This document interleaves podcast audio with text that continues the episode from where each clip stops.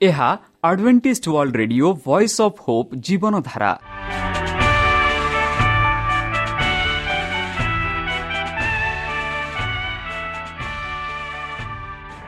Odia radio କାର୍ଯ୍ୟକ୍ରମ ଯାହା ଆମର ଆନ୍ତର୍ଜାତୀୟ ଆଘାତ କେନ୍ଦ୍ରରୁ ପ୍ରସାରଣ କରାଯାଉଛି ପ୍ରତିଦିନ ରାତି ନଅଟା ତିରିଶ ମିନିଟ୍ରେ। ମୁଁ ସୁବ୍ରତ କୁମାର ପତି ପ୍ରେମର ସହ ଆପଣମାନଙ୍କୁ ଏହି କାର୍ଯ୍ୟକ୍ରମକୁ ସ୍ୱାଗତ କରୁଅଛି। ଚାଲନ୍ତୁ ଆଜିର ତିରିଶ ମିନିଟ୍ର କାର୍ଯ୍ୟକ୍ରମ ବିଷୟରେ ଜାଣିନେବା। ପ୍ରଥମେ ରଖିଛୁ ଆଧ୍ୟାତ୍ମିକ ଭକ୍ତିମୟ ଗୀତ।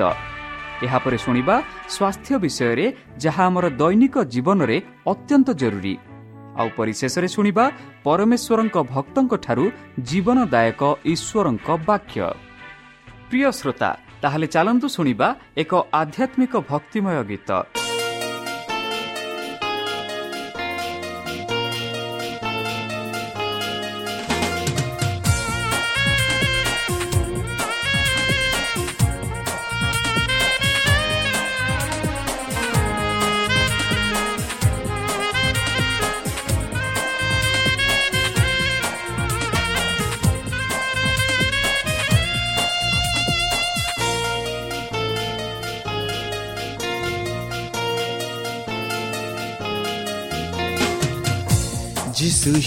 ଚାଳକ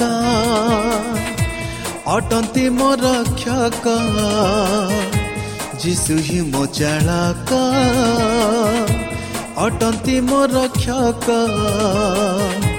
ଚିର ସାଥୀ ହୋଇ ଜୀବନେ ବନ୍ଧୁ ମୋର ଯିଶୁ ହିଁ ମୋ ଚାଳକ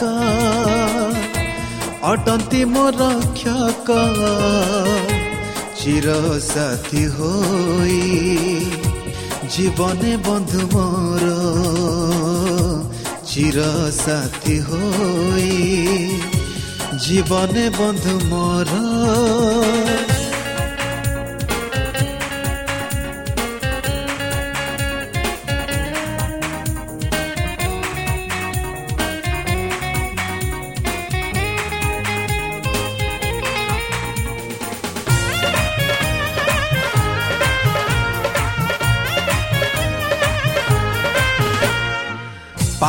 ସାଗରେ ବୁଡ଼ି ଯାଇ ମୁହିଁ ଖୋଜୁଥିଲି ଉଦ୍ଧାର ପଥ। ବନ୍ଧୁ ହୋଇ ଉଦ୍ଧାରିଲ ମତେ କୃଷି ପ୍ରାଣ ଦେଇ ନିଜର।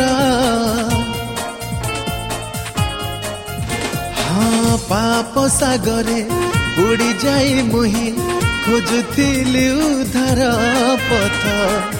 ବନ୍ଧୁ ହୋଇ ଉଦ୍ଧାରିଲ ମତେ କୃଷି ପ୍ରାଣ ଦେଇ ନିଜର ଅଭୁଲା ପ୍ରେମ ଯେ ତୁମ ଭୋଜୁଥିବି ସାରା ଜୀବନ ଅଭୁଲା ପ୍ରେମ ଯେ ତୁମ ଭୋଜୁଥିବି ସାରା ଜୀବନ ଯିଶୁ ହିଁ ମୋ ଚାଳକ ଅଟନ୍ତି ମୋ ରକ୍ଷକ চির সাথী হই জীবনে বন্ধু মোর চির সাথী হই জীবনে বন্ধু মোর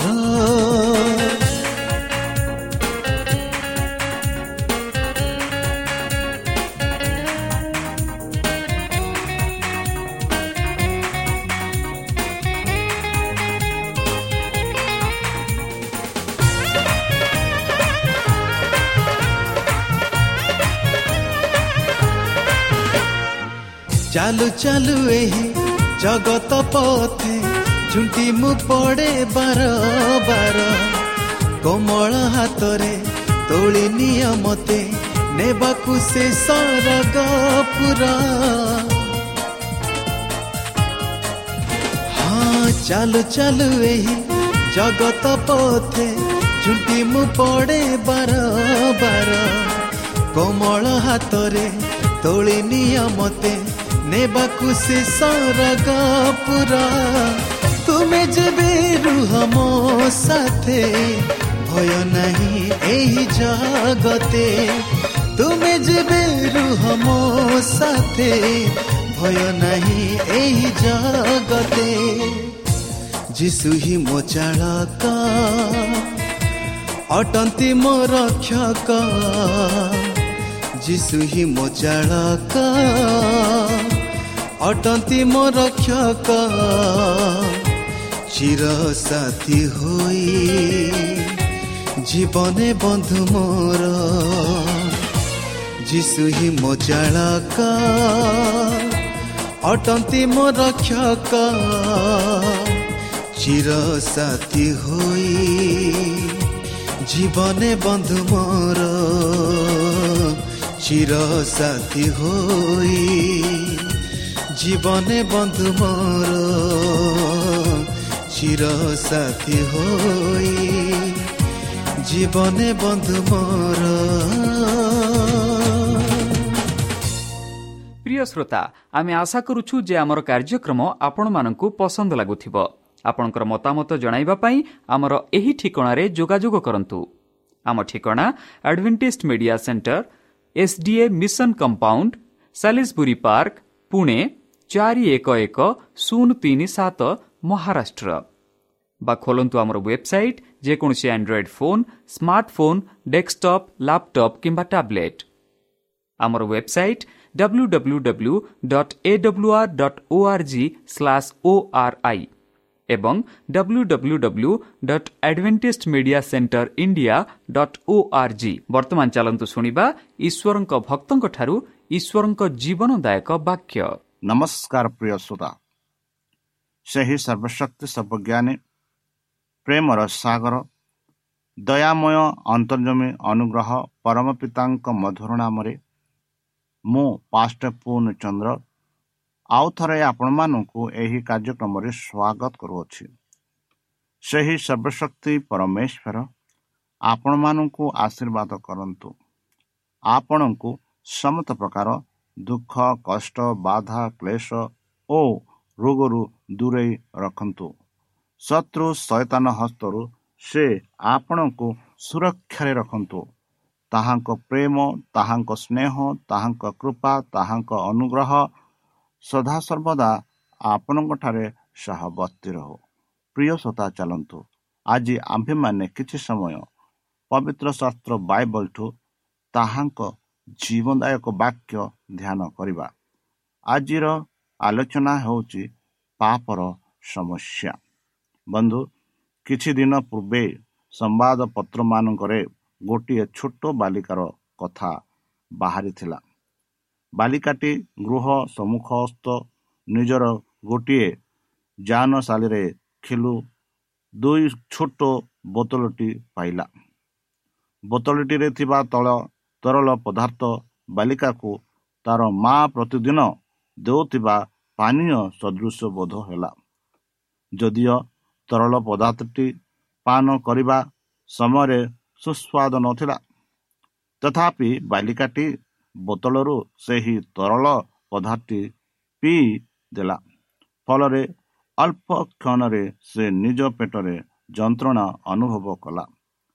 ବାଲିକାଟି ମା ନିକଟକୁ ଦୌଡ଼ିଗଲା ଓ ଖୁବ୍ ଶୀଘ୍ର ତାକୁ ଡାକ୍ତରଖାନାକୁ ସ୍ଥାନାନ୍ତରିତ କରାଗଲା। ଦୁଃଖର ବିଷୟ ବନ୍ଧୁ ଡାକ୍ତରଙ୍କ ସମସ୍ତ ଚେଷ୍ଟା ବିଫଳ ହେଲା। ଚିକିତ୍ସାରେ ବିଳମ୍ବ ଘଟିବା ଯୋଗୁଁ ବାଲିକାଟି ମୃତ୍ୟୁ ମୁଖରେ ପ୍ରତୀତ ହେଲା। ବନ୍ଧୁ ପରୀକ୍ଷାରୁ ଜଣାପଡ଼ିଲା ଯେ ବାଲିକାଟି ଯାହାକୁ ପାନୀୟ ବୋଲି ଭାବି ପାନ କରିଥିଲା ପ୍ରକୃତରେ ତାହା ପାନୀୟ ନଥିଲା କିନ୍ତୁ ଘାସ ମରା ଔଷଧ ଥିଲା ଯାହା ପ୍ରାଣୀମାନଙ୍କ ପକ୍ଷରେ ମାରାତ୍ମକ। ବନ୍ଧୁ ଏହି ଘାସ ମରା ଔଷଧ ଯେପରି ଈଶ୍ୱର ନିମନ୍ତେ ମାରାତ୍ମକ ପାପ ସେହିପରି ଆତ୍ମା ନିମନ୍ତେ ମାରାତ୍ମକ ଅଟେ। ଆଜି ଅନେକ ଲୋକ ବୁଝନ୍ତି ନାହିଁ ଯେ ପାପ ସେମାନଙ୍କ ବିଷକ୍ତ କରିବ ଓ ଏହି ଘାତକ ଦ୍ୱାରା ସେମାନେ ମୃତ୍ୟୁ ମୁଖରେ ପତିତ ହେବେ। ହୁଏତ ଆମ୍ଭ ବନ୍ଧୁମାନଙ୍କ ମଧ୍ୟରୁ କେହି କକଟ ରୋଗରେ ଆକ୍ରାନ୍ତ ହୋଇ ପ୍ରାଣ ହରାଇ ଅଛନ୍ତି। ଯେପରିକି ଦୁଇ ହଜାର ଅନିଷ୍ଟ ବର୍ତ୍ତମାନ ଯାହା କରୁଣା ମହାମାରୀ ଆକ୍ରାନ୍ତ ହୋଇ ଅନେକ ପ୍ରାଣ ହରାଇ ଅଛନ୍ତି। ବନ୍ଧୁ ଯଦି ଉପଯୁକ୍ତ ସମୟରେ ରୋଗ ନିର୍ଣ୍ଣୟ କରାଯାଇ ତାହାର ଚିକିତ୍ସା ହୋଇନଥାନ୍ତା ତାହେଲେ ସେମାନେ ଆରୋଗ୍ୟ ଲାଭ କରିପାରିନଥାନ୍ତେ କିନ୍ତୁ ରୋଗଟି ଜଟିଳ ରୂପ ଧାରଣା କରି ଅସାଧ୍ୟ ହେବା ପର୍ଯ୍ୟନ୍ତ କ'ଣ ହୋଇଛି ସେମାନେ ଜାଣିପାରି ନଥିଲେ। ଠିକ୍ ଏହି ପ୍ରକାରେ ବନ୍ଧୁ ଅନେକ ପାପ ରୋଗରେ ବାଧିତ ହୋଇ ସେମାନଙ୍କର ଶୋଚନୀୟ ଅବସ୍ଥା ବୁଝି ପାରିନଥାନ୍ତି। ସେମାନେ ଆପଣା ଉତ୍ତମ କାର୍ଯ୍ୟରେ ସନ୍ତୁଷ୍ଟ ହୋଇ ଆତ୍ମା ଶାନ୍ତି ଲାଭ କରି କହନ୍ତି ନିଶ୍ଚୟ ଈଶ୍ୱର ମୋ ପରି ଜଣେ ଉତ୍ତମ ବ୍ୟକ୍ତିଙ୍କୁ ସୁରକ୍ଷା କରିବାକୁ ନାସ୍ତି କରିବେ ନାହିଁ। ଈଶ୍ୱର ସତ୍ୟ ସତ୍ୟକୁ ମୁକ୍ତିଦାନ କରିବାକୁ ସର୍ବଦା ଆଗ୍ରହୀ ଅଟନ୍ତି। କିନ୍ତୁ ଆମ୍ଭେମାନେ ଯଦି ଆମମାନଙ୍କ ପାପିଷ୍ଟ ନ ବୁଝି ପାପ କ୍ଷମା ଓ ମୁକ୍ତି ପାଇବା ନିମନ୍ତେ ତାଙ୍କ ନିକଟକୁ ନ ଆସୁ ତେବେ ଈଶ୍ୱର ମାନଙ୍କୁ କଦାପି ସୁରକ୍ଷା କରିପାରିବେ ନାହିଁ। ସାଧୁ ପାଉଲ ଜଣେ ମହାଖ୍ରୀଷ୍ଟ ଭକ୍ତ ହୋଇ ପାରିଲେ କାରଣ ସେ ନିଜକୁ ଜଣେ ମହାପାପୀ ବୋଲି ଉପଲବ୍ଧି କଲେ ଏବଂ ଈଶ୍ୱରଙ୍କ ନିକଟକୁ ପରିଷ୍କୃତ ହେବାକୁ ଆସିଲେ। ପାପ କ'ଣ ଆମମାନଙ୍କର ଏହା ଜ୍ଞାତ? ହେବା ଏକାନ୍ତ ପ୍ରୟୋଜନ? ତାହେଲେ ଏହା ଦ୍ୱାରା ଆମେମାନେ ପ୍ରବଞ୍ଚିତ ହୋଇପାରିବୁ ନାହିଁ। ତତ୍ପରେ ଆମେମାନେ ଆମମାନଙ୍କ ପ୍ରକୃତ ଅବସ୍ଥା ଜାଣି ଈଶ୍ୱରଙ୍କ ସାହାଯ୍ୟ ଭିକ୍ଷା କରୁନାହୁଁ। ଯେପରି ଆମେ ପାଉ ଜହନ ତିନି ଚାରିରେ ପାପ କ'ଣ ବୋଲି ଈଶ୍ୱର କହନ୍ତି? ବନ୍ଧୁ ଯଦି ପ୍ରଥମ ଜହନ ତିନି ଚାରି ଆମେ ପଢ଼ିବା। ସେଠି ଆମେ ପାଉଛୁ ହେ ବସ୍ତ୍ରଗଣ ତୁମାନେ ଈଶ୍ୱରଙ୍କ ଠାରୁ ଜାତ ଆଉ ତୁମାନେ ସେମାନଙ୍କୁ ଜୟ କରିଅଛ। କାରଣ ତୁମାନଙ୍କ ଠାରେ ଯେ ଅଛନ୍ତି ସେ ଜଗତରେ ସେ ଅଛି ତାହାଠାରେ ମହାନ ବନ୍ଧୁ। ସେହି ମହାନ ଈଶ୍ୱର ଆମମାନଙ୍କ ଠାରେ ବର୍ତ୍ତମାନ ଅଛନ୍ତି। ଆଉ ସେହି ମହାନ ଈଶ୍ୱରଙ୍କୁ ଯଦି ଆମେ ବିଶ୍ୱାସ କରିବା ସେଇ ଯେଉଁ ପାପରେ ଆମେ ଗତି କରୁଅଛୁ ସେଇ ପାପରୁ ଆମମାନଙ୍କୁ ଉଦ୍ଧାର କରିବେ। ଯେପରି ଭକ୍ତ ପାଲଙ୍କୁ କେଉଁ ଆଦେଶ ସେ ଜାଣି ପାପି ବୋଲି ହୃଦୟରେ କରାଇଥିଲେ ବନ୍ଧୁ? ଯେପରି ଆମେ ରୋମିଓ ତାର ସାତ ସାତ ପଡ଼ିବା ତେବେ ଆମେମାନେ କ'ଣ କହିବା? ବ୍ୟବସ୍ଥା କ'ଣ ପାପ? ତାହା କେବେ ହେ ନାହିଁ ବରଂ ପାପ କ'ଣ? ତାହା ବ୍ୟବସ୍ଥା ବିନା ମୁଁ ଜାଣିନଥାନ୍ତି କାରଣ ଲୋଭ କର ନାହିଁ ବ୍ୟବସ୍ଥା ଏହା କହିନଥିଲେ ଲୋଭ କ'ଣ ତାହା ମୁଁ ଜାଣିନଥାନ୍ତି ବନ୍ଧୁ। ଆମମାନଙ୍କ ପରମେଶ୍ୱର ଆମମାନଙ୍କୁ ଏକ ବ୍ୟବସ୍ଥା ଦେଇଛନ୍ତି। ଯେଉଁଥିରେ ପାପ ଦର୍ଶାଉଅଛି ଯେଉଁଥିରେ ପାପ ଆମେ କିପରି କରୁଅଛୁ ବୋଲି ସେଇ ଯେଉଁ ବ୍ୟବସ୍ଥା ଆମମାନଙ୍କୁ ଦେଖା ଦର୍ଶାଉଅଛି ଯଦି ଆମେ ଯାତ୍ରା ପୁସ୍ତକ କୋଡ଼ିଏ ତାର ତିନିରୁ ସତର ପର୍ଯ୍ୟନ୍ତ ପଢ଼ିବା ସେଠି ଆମେ ପାଉଅଛୁ ପରମେଶ୍ୱରଙ୍କର ଦଶ ଆଜ୍ଞା।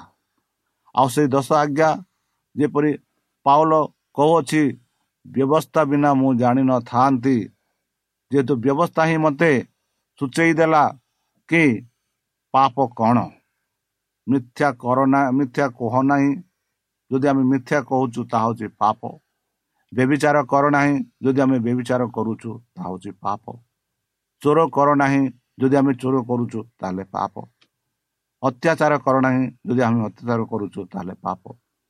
ଏହିସବୁ ପବିତ୍ର ଶାସ୍ତ୍ର ବାଇବଲରେ ଆମେ ପାଉଅଛୁ ଆଉ ଏହିସବୁ ଯଦି ଆମେ କରୁଅଛୁ ତାହେଲେ ଆମେ ପାପ କରୁଛୁ ସେହିପରି ସାଧୁପାଲ କହନ୍ତି ଯଦି ବ୍ୟବସ୍ଥା ନଥାନ୍ତା ତାହେଲେ ମୁଁ ପାପ ଜାଣିନଥାନ୍ତି ଆଉ ମୁଁ ପାପ ଜାଣିଛି ଆଉ ମୁଁ ଜାଣିଛି ଯେ ମୁଁ ପାପି ବୋଲି ସେ କହୁଛନ୍ତି ବନ୍ଧୁ ପାପ ସେ ଏହିପରି ବର୍ଣ୍ଣା କରୁଛନ୍ତି ସାଧା ସାଧୁ ପାଉଲ ଏ ସ୍ଥଳରେ ଦଶ ଆଜ୍ଞାର ଉଲ୍ଲେଖ କରନ୍ତି। ଈଶ୍ୱରଙ୍କ ଦଶ ଆଜ୍ଞା ବ୍ୟବସ୍ଥା ତାହାଙ୍କୁ ଦୋଷୀ ବୋଲି ନ ଦେଖାଇବା ପର୍ଯ୍ୟନ୍ତ ସେ ଆପଣାକୁ ନିର୍ଦ୍ଦୋଷ ବୋଲି ଭାବୁଥିଲା। ବନ୍ଧୁ ଦଶ ଆଜ୍ଞା ଯାହା ମୁଁ ଏହା ପୂର୍ବରେ କହିସାରିଛି ସେଇ ଯେଉଁ ଦଶ ଆଜ୍ଞା ଆମମାନଙ୍କୁ ଦୋଷୀ ବୋଲି ଦର୍ଶାଉଅଛି ଆଉ ଯେପରି ସେ ଦଶ ଆଜ୍ଞା ମାନିବା ଆଉ ସେ ଦଶ ଆଜ୍ଞା ପରି ଚାଲିବା ଆଉ ଈଶ୍ୱରଙ୍କୁ ପ୍ରେମ କରିବା ନିଶ୍ଚିତ ରୂପେ ଆମେ ସେଇ ପାପରୁ ମୁକ୍ତ ହେବା ଯଦି ଆମେ ଦେଖିବା ଜାକୁବ ତାର ସାତ ଦଶ ଟୁ ବାର ଜାକୁବ ଦୁଇ ଦଶ ଟୁ ବାର କାରଣ ଯେ କେହି ସମସ୍ତ ବ୍ୟବସ୍ଥା ପାଳନ କରି କେବେ କେବଳ ଗୋଟିଏ ବିଷୟରେ ଝୁଣ୍ଟି ପଡ଼େ ତେବେ ସେ ସମସ୍ତ ବ୍ୟବସ୍ଥା ଲଙ୍ଘନ ଦୋଷରେ ଦଣ୍ଡିତ ନିଅ ଦଣ୍ଡନୀୟ ହୁଏ ବନ୍ଧୁ ବ୍ୟବସ୍ଥା ମୁଁ ଯେପରି ଆପଣମାନଙ୍କୁ କହିଲି ସେଇ ଯେଉଁ ବ୍ୟବସ୍ଥା ଆମେ ପାଉଛୁ ଦଶ ବ୍ୟବସ୍ଥା। ସେ ଦଶ ବ୍ୟବସ୍ଥାରୁ ଯଦି କୌଣସି ବ୍ୟକ୍ତି ଗୋଟିଏ ବ୍ୟବସ୍ଥାରେ ବିଫଳ ହୁଏ ଏଠି ପବିତ୍ର ଶାସ୍ତ୍ର ବାଇବଲ କହୁଛି ଝୁଣ୍ଟି ପଡ଼େ ତେବେ ସେ ସମସ୍ତ ବ୍ୟବସ୍ଥା ଲଙ୍ଘନ ଦୋଷରେ ଦଣ୍ଡନୀୟ ବୋଲି କହୁଅଛି ମାନେ ପରମେଶ୍ୱର ମନେ ରଖନ୍ତୁ ଦଶ ଆଜ୍ଞା ଦେଲେ। ସେ ଦଶ ଆଜ୍ଞା ସେ ଦଶ ଆଜ୍ଞାରେ ଆମେ ଦୁଇ ଆଜ୍ଞା ଦେଖାଉଛୁ ମୁଖ୍ୟ।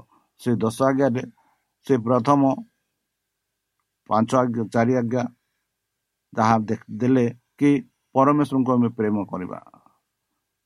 ପରମେଶ୍ୱରଙ୍କ ସହିତ ଆମେ ରହିବା। ଆଉ ଥିବା ପାଞ୍ଚ ଆଜ୍ଞା ଆମେ ଦେଖୁଅଛୁ କି ଆମ ପଡ଼ୋଶୀ ଆମ ଦେଶର ଲୋକମାନଙ୍କୁ ଆମେ କିପରି ଭଲ ପାଇବା। ତାହା ଆମେ ଦେଖୁଅଛୁ।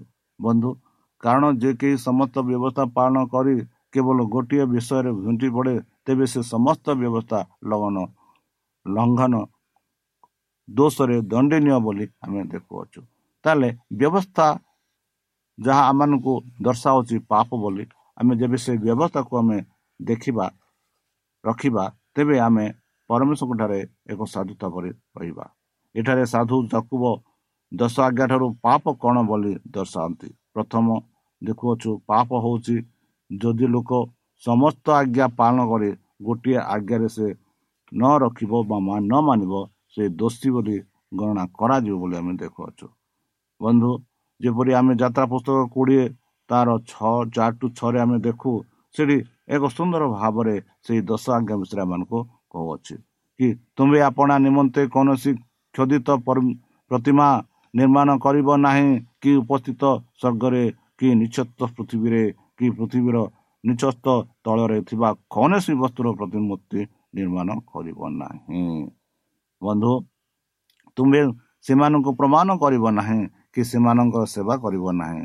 ଯେବେ ଯେତେ ଯେହେତୁ ଆମ୍ଭେ ତୁମର ସଦାପ୍ରଭୁ ପରମେଶ୍ୱର ସ୍ୱଗୌରବ ରକ୍ଷଣରେ ଉଦ୍ୟୋଗୀ ପରମେଶ୍ୱର ଅଛୁ। ପୁଣି ଯେଉଁମାନେ ଆମକୁ ଘୃଣା କରନ୍ତି ଆମ୍ଭେ ସେମାନଙ୍କୁ ତୃତୀୟ ଚତୁର୍ଥ ପୁରୁଷ ପର୍ଯ୍ୟନ୍ତ ସେମାନଙ୍କ ସନ୍ତାନ ମାନଙ୍କ ଉପରେ ପୌତୃକ ଅପରାଧର ପ୍ରତିଫଳତା ଦାତା। ବନ୍ଧୁ ମାତ୍ର ଯେଉଁମାନେ ଆମକୁ ପ୍ରେମ କରନ୍ତି ଓ ଆମ୍ଭର ଆଜ୍ଞା ପାଳନ କରନ୍ତି। ଆମ୍ଭେ ସେମାନଙ୍କର ସହସ୍ର ପୁରୁଷ ପର୍ଯ୍ୟନ୍ତ ଦୟାକାରୀ। କେତେ ସୁନ୍ଦର ଭାବରେ ପବିତ୍ର ଶାସ୍ତ୍ର ବାଇବଲ ଆମମାନଙ୍କୁ ପରମେଶ୍ୱରଙ୍କ କଥା କହୁଅଛି। ସେ ଏଇଠି ଆମେ ପାଉଛୁ ବନ୍ଧୁ। ପରମେଶ୍ୱର ମାନଙ୍କୁ କହନ୍ତି କି କୌଣସି ଖୋଦିତ ପ୍ରତିମା ନିର୍ମାଣ କରିବାକୁ ନାହିଁ। ଉପସ୍ଥିତି ଉପରିସ୍ଥ ସ୍ୱର୍ଗରେ କି ନିଚସ୍ଥ ପୃଥିବୀରେ କି ପୃଥିବୀର ନିଚସ୍ଥ ତଳରେ ଥିବା କୌଣସି ବସ୍ତୁର ପ୍ରତିମୂର୍ତ୍ତି ନିର୍ମାଣ କରିବ ନାହିଁ। ଯଦି ଆମେ ଦେଖିବା ଆମ ଏହି ପୃଥିବୀରେ ଭିନ୍ନ ଭିନ୍ନ ଦେଶରେ ଭିନ୍ନ ଭିନ୍ନ ପ୍ରକାର ପ୍ରତିମାରେ ସେମାନେ ବିଶ୍ୱାସ କରନ୍ତି ପୂଜା କରନ୍ତି ଆରାଧନା କରନ୍ତି। ପ୍ରତ୍ୟେକ ପ୍ରତିମାର ଏକ ସୀମା ଥାଏ ଏକ ସେ ପ୍ରତିମାର କାହାଣୀ ଥାଏ। ମାତ୍ର ଏଠି ସଦାପ୍ରଭୁ ପରମେଶ୍ୱର ଆମମାନଙ୍କୁ କହୁଛନ୍ତି କି ଆମେ ସେହି ସଦାପ୍ରଭୁ ପରମେଶ୍ୱର। ଆଉ ଆମମାନଙ୍କ ସମ୍ମୁଖରେ ଆମ ସମ୍ମୁଖରେ ଏହିସବୁ କର ନାହିଁ ବୋଲି ସଦାପ୍ରଭୁ କହୁଛନ୍ତି। ଯଦି ଆମେ କରିବା ସେହିପରି ତାହେଲେ ଆମେ ତାଙ୍କ ସମ୍ମୁଖରେ ପାପି ଆମେ ପାପ କାମ କରୁଅଛୁ। କୌଣସି ଖରିତ ପ୍ରତିମା ନିର୍ମାଣ କରିବ ନାହିଁ। କି ଉପରିସ୍ଥ ସ୍ୱର୍ଗରେ କି ନିଚସ୍ତ ପୃଥିବୀରେ କି ପୃଥିବୀର ନିଚସ୍ତ ତଳ ଜଳରେ ଥିବା କୌଣସି ବସ୍ତୁର ପ୍ରତିମୂର୍ତ୍ତି ନିର୍ମାଣ କରିବ ନାହିଁ। ତା ବିନା ସେମାନଙ୍କୁ ତମେ ପ୍ରମାଣ କରିବ ନାହିଁ। ପ୍ରମାଣ ମାନେ କ'ଣ? ଜୁହାର କରିବ ନାହିଁ। କି ଦଣ୍ଡାମୟ ହୋଇ ତା ସେଇ ଯେଉଁ ପ୍ରତିମା ମୁଖରେ ପଡ଼ିବ ନାହିଁ। ଏହିପରି ସଦାପ୍ରଭୁ କହନ୍ତି ଯଦି ଆମେ ସେହିପରି କରୁଛୁ ତାହେଲେ ଆମେ ପାପ କରୁଛୁ। କି ସେମାନଙ୍କର ସେବା କରିବ ନାହିଁ। ବନ୍ଧୁ ସେମାନଙ୍କର ସେବା କରିବ ନାହିଁ। ଯେହେତୁ ଆମ୍ଭେ ତୁମର ସଦାପ୍ରଭୁ ପରମେଶ୍ୱର। ପରମେଶ୍ୱର କହନ୍ତି କି ତୁମେ ତାଙ୍କୁ ସେବା କର ନାହିଁ। କି ସେମାନଙ୍କୁ ପ୍ରମାଣ କର ନାହିଁ ଯେହେତୁ ଆମ୍ଭେ ତୁମ୍ଭର କାହାର? ଆମ୍ଭମାନଙ୍କର ସଦାପ୍ରଭୁ ପରମେଶ୍ୱର। ଆଉ ସେ ପରମେଶ୍ୱର କ'ଣ? ସ୍ୱୟଂ ଗୌରବର ରକ୍ଷଣରେ ଉଦ୍ୟୋଗୀ ପରମେଶ୍ୱର ଅଟନ୍ତି। ପୁଣି ଯେଉଁମାନେ ସେ ସଦାପ୍ରଭୁକୁ ଘୃଣା କରନ୍ତି ସେଇ ସଦାପ୍ରଭୁ ସେମାନଙ୍କ ତୃତୀୟ ଓ ଚତୁର୍ଥ ପୁରୁଷ ପର୍ଯ୍ୟନ୍ତ ସେମାନଙ୍କ ସନ୍ତାନମାନଙ୍କ ଉପରେ ପୌତୃକ ଅପରାଧ ପ୍ରତିଫଳ ଦାତା କରନ୍ତି। ବନ୍ଧୁ ମାତ୍ର ଯେଉଁମାନେ ଆମକୁ ପ୍ରେମ କରନ୍ତି ବୋଲି କହନ୍ତି ଯେଉଁମାନେ ପରମେଶ୍ୱରଙ୍କୁ ପ୍ରେମ କରନ୍ତି ବନ୍ଧୁ ଆଉ ତାହାଙ୍କର ଆଜ୍ଞା ପାଳନ କରନ୍ତି ବନ୍ଧୁ ସେମାନଙ୍କୁ ସେଇ ସଦାପ୍ରଭୁ ସହସ୍ର ପୁରୁଷ ପର୍ଯ୍ୟନ୍ତ ଦୟାକାରୀ ହେବେ ବୋଲି ଆମେ ପାଉଅଛୁ ସେହିପରି ଯାତ୍ରା ପୁସ୍ତକ କୋଡ଼ିଏ ସାତରେ ଆମେ ପାଉଛୁ। ତୁମ୍ଭେ ଆପଣା ସଦାପ୍ରଭୁ ପରମେଶ୍ୱରଙ୍କ ନାମ ମିଥ୍ୟାରେ ଦେବ ନାହିଁ। ଯେହେତୁ ସେ କେହି ତାଙ୍କର ନାମ ମିଥ୍ୟାରେ ନିଏ ସଦାପ୍ରଭୁ ତାହାକୁ ନିରପରାଧ ଅପରାଧ ଗଣନା କରିବେ ନାହିଁ। ବନ୍ଧୁ ଆଜିକାଲି ଆମେ କହୁଛୁ କି କିଏ ସଦା ମାର ବୋଲି ଆମେ ମିଥ୍ୟାରେ କହିଥାଉ। ଏଠି ପରମେଶ୍ୱର କହନ୍ତି କି ସଦାପ୍ରଭୁଙ୍କ ନାମରେ ମିଥ୍ୟାରେ କେବେ ହେଲେ ନେବ ନାହିଁ। ଯଦି କୌଣସି ବ୍ୟକ୍ତି ଏପରି ନିଅନ୍ତି ତାହେଲେ ସଦାପ୍ରଭୁ ପରମେଶ୍ୱର ତାହାର ନିରାପଦ ଗଣନା କରିବେ ନାହିଁ ବୋଲି ଆମେ ପାଉଅଛୁ। ବନ୍ଧୁ ଯେପରିକି ଯାତ୍ରା ପୁସ୍ତକ କୋଡ଼ିଏ ଆଠ ଆମେ ଏଠି ବିଶେଷ ଭାବରେ ପାଉଛୁ ବିଶ୍ରାମ ଦିନ ପବିତ୍ର ରୂପେ ପାଳିବାକୁ ସ୍ମରଣ କର। ବନ୍ଧୁ ଆଜିକାଲି ଏଇ ଯେଉଁ ବିଶ୍ରାମ ଦିନ ବିଷୟରେ ଆମେ ଯଦି ଆଲୋଚନା କରିବା ଏହା ପୂର୍ବେ ମୁଁ ଆପଣମାନଙ୍କୁ ବିଶ୍ରାମ ଦିନ ବିଷୟରେ କହିସାରିଛି ଏଇ ଯେଉଁ ବିଶ୍ରାମ ଦିନ ହେଉଛି ସେଇ ସଦାପ୍ରଭୁ ପରମେଶ୍ୱରଙ୍କର ବିଶ୍ରାମ ଦିନ ଯେଉଁ ଦିନକୁ ପରମେଶ୍ୱର ଆଶୀର୍ବାଦ କରିଥିଲେ ପବିତ୍ର କରିଥିଲେ ଆଉ ସେଇ ବିଶ୍ରାମ ଦିନରେ ପରମେଶ୍ୱର ବିଶ୍ରାମ ନେଇଥିଲେ ବୋଲି ଆମେ ଦେଖୁଅଛୁ ଆଉ ଏଇ ବିଶ୍ରାମ ଦିନ ହେଉଛି କେଉଁ ଦିନ ସପ୍ତମ ଦିନ ସେଇ ଯେଉଁ ବିଶ୍ରାମ ଦିନ ଆଉ ପରମେଶ୍ୱର କହନ୍ତି ଯଦି ସେଇ ବିଶ୍ରାମ ଦିନକୁ ଯଦି ଆମେ ପବିତ୍ର ରୂପେ ପାଳନ ପାଳିବାକୁ ସ୍ମରଣ କରିବୁ ତାହେଲେ ତାହାଙ୍କ ସମ୍ମୁଖରେ ଆମେ ପାପ କରୁଅଛୁ। ତାହାଙ୍କ ସମ୍ମୁଖରେ ପାପ କରୁଅଛୁ। ବନ୍ଧୁ ଯେପରିକି ଯାତ୍ରା ପୁସ୍ତକ କୋଡ଼ିଏ ତେରରେ ଆମେ ତୁମେ ବ୍ୟବିଚାର କରିବ ନାହିଁ କି ନରହତ୍ୟା କରିବ ନାହିଁ? ବନ୍ଧୁ ବ୍ୟବିଚାର ଆଜିକାଲି ଦୁନିଆରେ ଯଦି ଆମେ ଖବର କାଗଜରେ ବା ଟେଲିଭିଜନରେ ଦେଖିବା ବ୍ୟବିଚାର ଅତ୍ୟାଚାର ସାରା ଭର୍ତ୍ତି ହୋଇ ରହିଅଛି ବନ୍ଧୁ ଚାରିପଟେ ଭରି ହୋଇଛି ଆଉ ପବିତ୍ର ଶାସ୍ତ୍ର କହୁଛି କି ଆମେ ବ୍ୟବିଚାର କରିବାକୁ ନାହିଁ କି ହତ୍ୟା ନରହତ୍ୟା ନ କରିବାକୁ ନାହିଁ ବୋଲି କହୁଛୁ ମାତ୍ର ଏଇ ଯେଉଁ ବାକ୍ୟଟା ଆମ ଚାରିପଟେ ଘେରି ରହୁଛି ତାହେଲେ ଆମେ ଈଶ୍ୱରଙ୍କ ସମ୍ମୁଖରେ ପାପି ତାଙ୍କ ସମ୍ମୁଖରେ ପାପି। ତାହେଲେ ପ୍ରିୟ ସଦା ଚାଲନ୍ତୁ ସେଇ ସଦାପ୍ରଭୁ ଯିଏକି ଆମମାନଙ୍କ ସଦାପ୍ରଭୁ ଆମମାନଙ୍କୁ ସତର୍କ ଦେଇ କହୁଛନ୍ତି କି ଏସବୁ କର ନାହିଁ ମୋ ଠାରେ ତୁମେ ବିଶ୍ୱାସ କର ମୋ ଆଜ୍ଞା ପାଳନ କର। ତାହେଲେ ଚାଲନ୍ତୁ ତାହାଙ୍କ ଆଜ୍ଞା ପାଳନ କରିବା। ଯେପରିକି ଯେଉଁ ପାପରେ ଆମେ ଭରି ରହିଅଛୁ ସେଇ ପାପରୁ ଆମେ ଉଦ୍ଧାର ପାଇପାରିବା। ନିଜକୁ ସମର୍ପଣ କରି ଆପଣା ପରିବାରକୁ ସମର୍ପଣ କରି ତାହାଙ୍କ ମଧୁର ନାମରେ ଆମେ ପ୍ରାର୍ଥନା ଉଚ୍ଚକ କରିବା। ହେ ଆମ୍ଭମାନଙ୍କ ସର୍ବଶକ୍ତି ସର୍ବଜ୍ଞାନୀ ପ୍ରେମର ସାଗର ଦୟାମୟ ଅନ୍ତର୍ଜମୀ ଅନୁଗ୍ରହ ପରବର୍ତ୍ତିକା ଧନ୍ୟବାଦ ଅର୍ପଣ କରୁଛୁ ପ୍ରଭୁ। ବର୍ତ୍ତମାନ ଯେଉଁ ବାକ୍ୟ ତୁମ ଭକ୍ତମାନଙ୍କୁ ଶୁଣିଲେ ସେହି ବାକ୍ୟ ଅନୁସାରେ ଆମମାନଙ୍କୁ ଚାଲିବା ପାଇଁ ବୁଦ୍ଧିରେ ଜ୍ଞାନରେ ଶକ୍ତିରେ ପରିପୂର୍ଣ୍ଣ କର। ଶତ୍ରୁ ସଚେତନ ହସ୍ତର ଆମମାନଙ୍କୁ ଦୂରେଇ ରଖ ପରିଶେଷ ଯେବେ ତୁମେ ତୁମ ସେହି ସହସ୍ର ଦୂତଙ୍କ ସହ ଆସିବେ ଆପଣ ସାଧୁମାନଙ୍କୁ ସଂଗ୍ରହ କରିବା ନିମନ୍ତେ ସେତେବେଳେ ଆମମାନଙ୍କୁ ଏକ ବାସସ୍ଥାନ ଦେବ ବୋଲି ପ୍ରାଣକର୍ତ୍ତା ପ୍ରଭୁ ଯୀଶୁଙ୍କ ମଧୁମୟ ନାମରେ ଏହି ଛୋଟ ବିକ୍ଷମା ହେଉଛି ତୁମେ ଗ୍ରହଣ କର। ଆମେନ୍।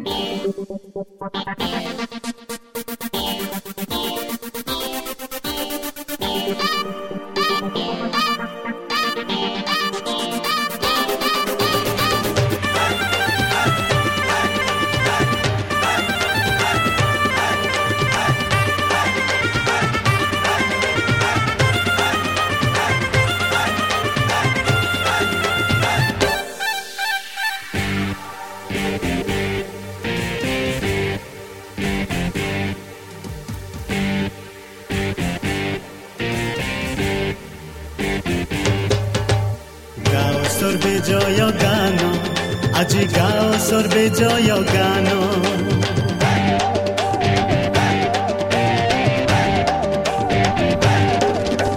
গাও সর্বে জয় গান। আজি গাও সর্বে জয় গান। গাও সর্বে জয় গান। আজি গাও সর্বে জয় গান।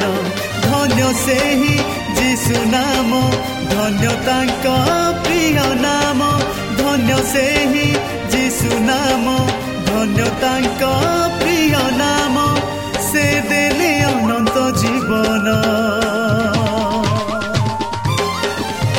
ଧନ୍ୟ ପ୍ରଭୁ ମହିୟାନ ଧନ୍ୟ ତୁମ କୃପାଦାନ।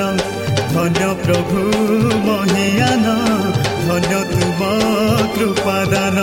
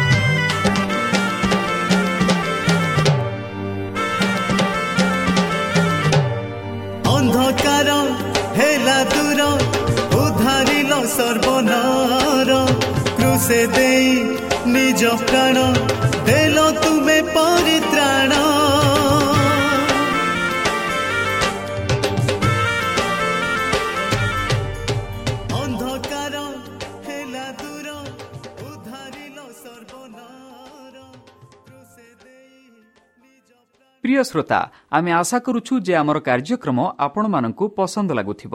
ଆପଣଙ୍କର ମତାମତ ଜଣାଇବା ପାଇଁ ଆମର ଏହି ଠିକଣାରେ ଯୋଗାଯୋଗ କରନ୍ତୁ। ଆମ ଠିକଣା Adventist Media Center SDA Mission Compound Salisbury Park Pune ଚାରି ଏକ ଏକ ଶୂନ ତିନି ସାତ ମହାରାଷ୍ଟ୍ର। ବା ଖୋଲନ୍ତୁ ଆମର ୱେବସାଇଟ୍ ଯେକୌଣସି Android phone smartphone desktop laptop କିମ୍ବା ଟ୍ୟାବ୍ଲେଟ୍।